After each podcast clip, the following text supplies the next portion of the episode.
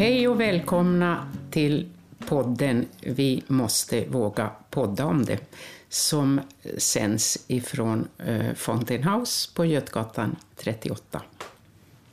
Jag heter Gunlis och jag sitter här med Gun-Britt. Och Gun-Britt och jag ska nu prata med varann under en halvtimme eller något sånt. Och jag tänker, Gun-Britt, vill du börja med att presentera dig lite? Ja, jag heter Gun. Jag har varit här nu fyra år. Och jag kom hit efter att jag var på Lövströmska.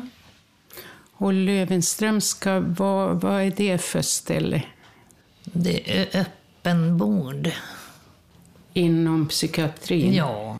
Jag kommer ihåg när jag träffade dig första gången så tyckte jag att du var så blyg, eller skygg. Ja, det stämmer. Väldigt bra. Jag var nog väldigt blyg, för vad jag gjorde första tiden här, det var att gick och städa i alla hörn. Och tog reda på var saker och ting befann sig och var alla saker var så jag skulle ha möjlighet att kunna svara om någon frågade efter något. Du orienterade dig? Ja. Och sen var jag väl, tyckte att när jag gick runt och städade i hörnen att då behövde jag inte prata med så många. Ja. Då såg jag alltid upptagen ut och kunde välja lite om jag skulle svara eller inte, mm. utan att vara oförskämd. Mm. Men hur, du var på Löwenströmska då, där hade du, det vet jag från, vi har pratat med varandra någon gång förut, där hade du varit ett par månader eller Ja, nio veckor. Hur, hur hittade du eh, fontänhuset då? Efter några veckor där så hittade jag vår informationslapp. Och då vart jag lite nyfiken och började fråga personalen om de visste vad det var för ställe. Mm. Mm. Visste de det? Nej, de visste inte någonting mer än att de kunde berätta för mig att det inte var något ställe för mig. Jaha. Eftersom jag hade svårt att prata i grupp, var väldigt tystlåten. Och att jag har läs och skrivsvårigheter och inte kan engelska. Då var det ingenting för mig. Så de tänkte att man pratar engelska på Fountain House? Ja, Eftersom troligt. det heter Fountain House kanske? Mm, mycket möjligt. Men hur tog du dig hit i alla fall? Hur tänkte du då? då? Jag själv tänkte inte så mycket, utan jag hade en, min son som sa upp kontakten med mig tills jag tog beslutet att ringa och gå på ett nybesök. Jaha! Vilken bra son. Ja, jag är väldigt tacksam i efterhand. Då. Men när det pågick så då var jag inte glad på Nej, jag förstår det då om du inte vill. Ja, och då ringde du, eller? Då ringde jag, då fick jag en tid. Den avbokade jag. Jag ringde om en ny tid, gick förbi ute på Götgatan. Det tog nog fem bokningar innan jag kom på nybesöket. Oj. Innan det var fruktansvärt hemskt. Och jag gick och tänkte att nu är det att dra hela historien från början till slut. Och, och behöva övertyga om varför jag hade bokat nybesök. Och, mm. Mm. och att samma fråga skulle komma gång på gång. Mm. Typ, vad är det för fel på dig? Som... Ja, sådana saker. Ja, ja. Och bli frågad, ja, vad kan du prestera och, och så vidare. Mm. Vad frågar de då? Eller hur var det? Jag har inte så mycket minne om hur det var. du var så nervös? ja. ja. Men det var, det var väl mer att vi satt och drack en kopp kaffe och bokade in en tid för intro. Och kom du på intro då, eller var ja. det, tog det fem gånger? Nej, introt, det, då kom jag. Då kom Men jag gick ju inte in på kontoret, utan jag stannade nog ovanför trappan och stod där ganska länge. Och liksom försökte gömma mig. Och sen kom du eh, in i nya arbetsuppgifter här. småningom? Du gick inte bara och städade i hörnen? Och... Nej, det gjorde jag nog ganska länge. Hur länge kommer jag faktiskt inte ihåg. De jag jobbade med hade väldigt stort tålamod med mig. Ja, eller så var det du som hade tålamod. För det, ja. det var och är fortfarande att jag behöver göra saker väldigt många gånger innan jag börjar känna mig något sånär bekväm mm. med. Och då ville jag absolut inte att det skulle bli något som vart fel. Det var ju hemskt om man gjorde fel. Mm. Gjorde du något fel då? Jag gjorde säkert jättemycket fel. Det var ingen som klagade? Nej, det var ingen som sa något.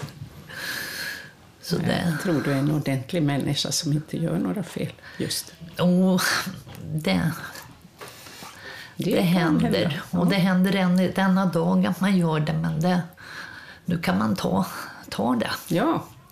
Man kan göra fel mm. utan att det är någon Utan att taket ramlar ner? Ja. ja. Ja, det är ingen katastrof med att göra fel. Nej, det går härligt. alltid att rätta till. Var jättebra. Ja, ja. Det är en bra insikt. Vad jobbar du med nu? Jag vet att du ju är väldigt aktiv nu. Jag jobbar mycket med ekonomin. Det var väl väldigt svårt i början. Men sen när man kommer in i det och man får ha folk med sig som mm. verkligen kan lära ut. Och, så då är det inte så svårt. Mm. Det som det mesta. Vad man ja. lär sig så är det inte så svårt. ja. Men hade du jobbat då i ditt eh, tidigare liv, om man får säga så. Hade du jobbat något med ekonomi eller något sånt? Väldigt, väldigt lite. Väldigt lite. Väldigt lite, ja. så det var ganska nytt. Vad jobbade du med förut då, innan? Jag jobbade inom det mesta. Mm.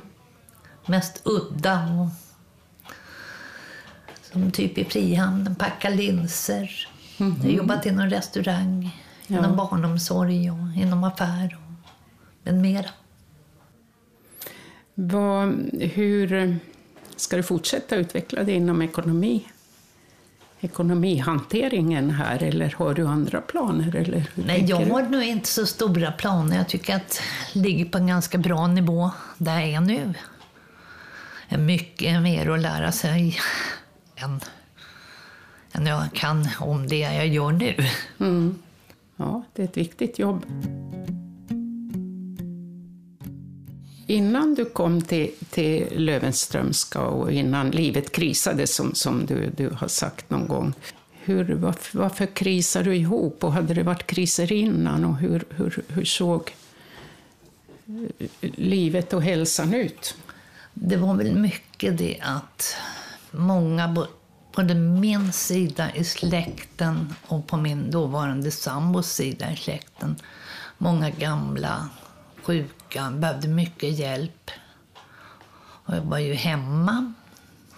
Jag hade sjukpension. Och då gick det jättelätt att bara hjälpa alla. Mm. Sen hade vi några dödsfall. Och då behövde många stöttning och extra mycket hjälp. Och jag tyckte det där gick ju jättebra. Och jag tappade väl bort mig själv någonstans i att jag var igång 20 timmar per dygn ungefär med dem runt omkring mig och stöttade dem. Och sen när allting hade börjat plana ut och, och så, så då, då var det jag som säckade. Mm. Så länge jag höll igång och hade andra att ta hand om, då stod jag på benen. Mm.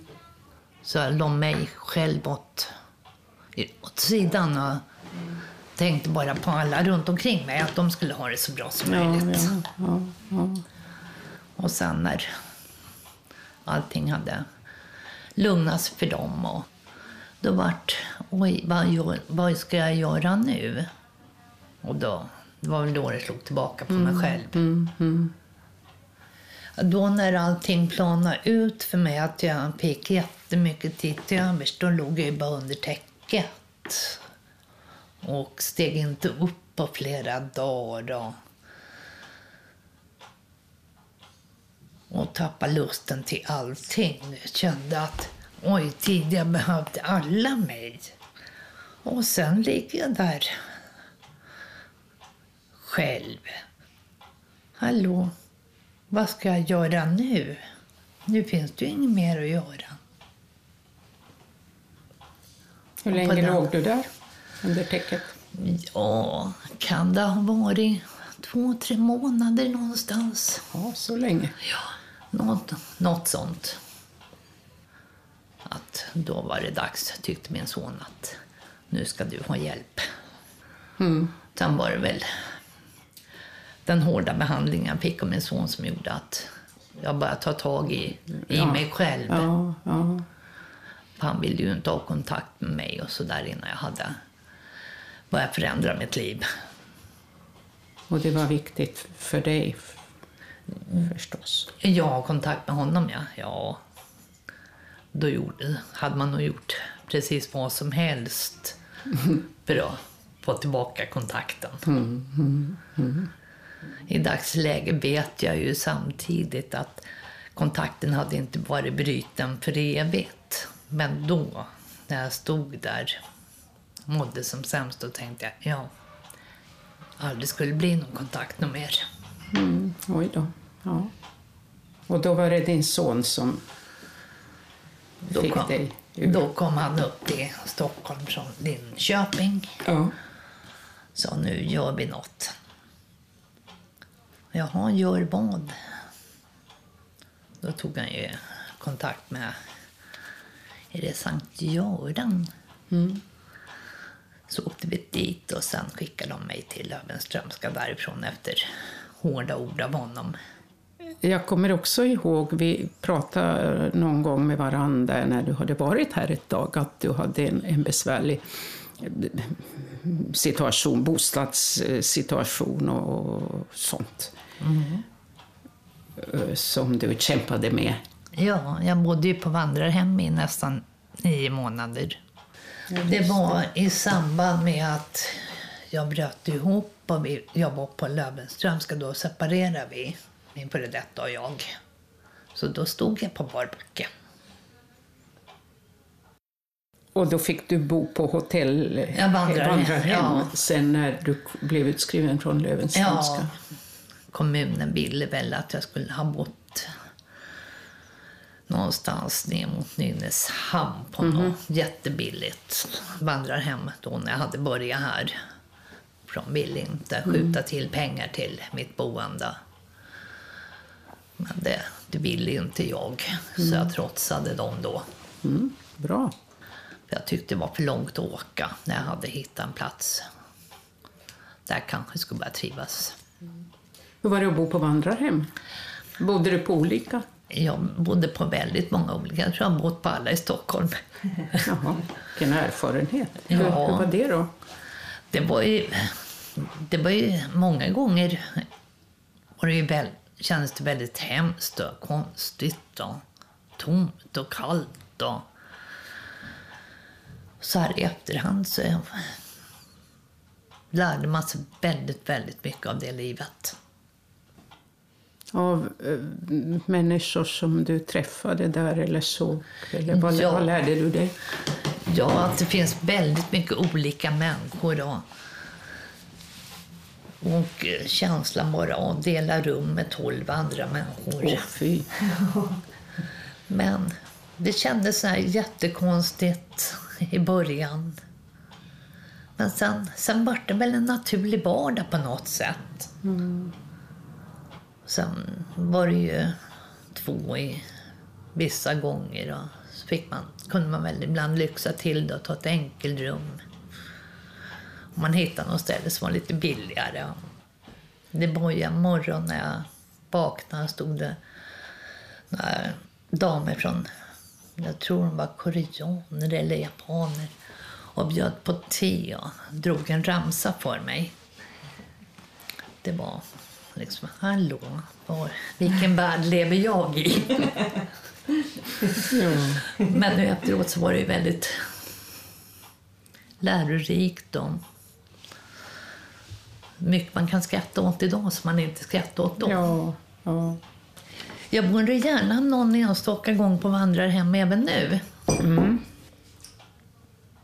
För att ta tillbaka lite av den för att se, hur, se skillnaden på att göra det nu och när man var Det, tvungen. var då. Så det är säkert annorlunda när man inte är tvungen utan kan Ja, gå det tillbaka. blir, blir på ett annat sätt. Hur fick du bostad? För det fick du sen. Ja, efter mycket om män så hittade Solna kommun ett ställe åt mig att bo. För Då var en biståndsanläggare som kom hit och satt och pratade med henne. Och sen trollade hon fram ett boende. De kan om de vill. Ja, Men, och då börjar din situation kännas bättre, förstår jag. Om man får någonstans att bo så får man vara här då. ja, det vart ju bättre och bättre. Ja. Var skilsmässan, din skilsmässa, var det före eller efter du krisade ihop? Eller var det... Den var nog på, gång, den var nog på gång något år innan själva krisen kom. Så det var väl en process som vi gick igenom. Sen var väl då min kris droppen på det hela. Mm. Eller, eller bidrog skilsmässan till krisen också? Förutom det här andra du har berättat om, alla som Det- hade Det problem och dog. vet, det vet jag inte. Nej, det kanske är svårt att veta. det, det har jag inte orkat lägga energi på. Nej. Utan det hade nog varit en långdragen process. Har du kontakt med din före detta? Ja. ja. Vi har bä- bättre kontakt nu än när vi var tillsammans. Ja, så vi firar jularna ihop med hans släkt och min släkt. Och även har vi väl firat någon veckas semester tillsammans också. Så det är en väldigt stor skillnad där på kontakten nu och förr. Jag förstår ju då att fontänhuset har betytt väldigt mycket Ja. för dig. Vad, vad, vad är det som är så bra med fontänhuset, tycker du? Vad jag tycker är bra med fontänhuset, här får man vara precis som man är. Man behöver inte prestera på hundra varenda dag. Man har möjlighet att fråga och återfråga samma sak hur många gånger som helst.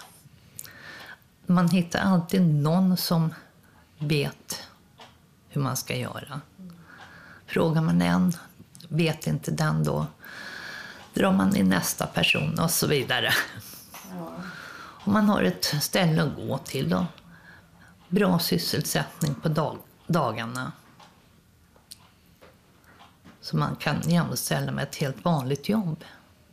Fast man utför det på sina egna villkor. Man bestämmer över sitt egna liv. Och vänner? Har du också hittat vänner? Och, Det gör man ju varje vecka. hittar man ju nya vänner och nya kontakter. Och, så det är ju, ser ju väldigt olika ut. ja. Det är bland annat det, tycker jag, som är så fantastiskt med fontänhuset. Alla människor som är här och är lika varann och olika varann, som, som vi alla är, att det uppstår en sån fantastisk eh, vänskap och, och vänskapsatmosfär som man känner när man kommer in här. Ja, det är fantastiskt. Jag förstår inte varför det inte startas flera fontänhus. Jag begriper inte hur de som har något att säga, säga till om och, och kan styra och ställa i samhället och all den kunskap vi har om människor eh, som har drabbats av psykisk ohälsa.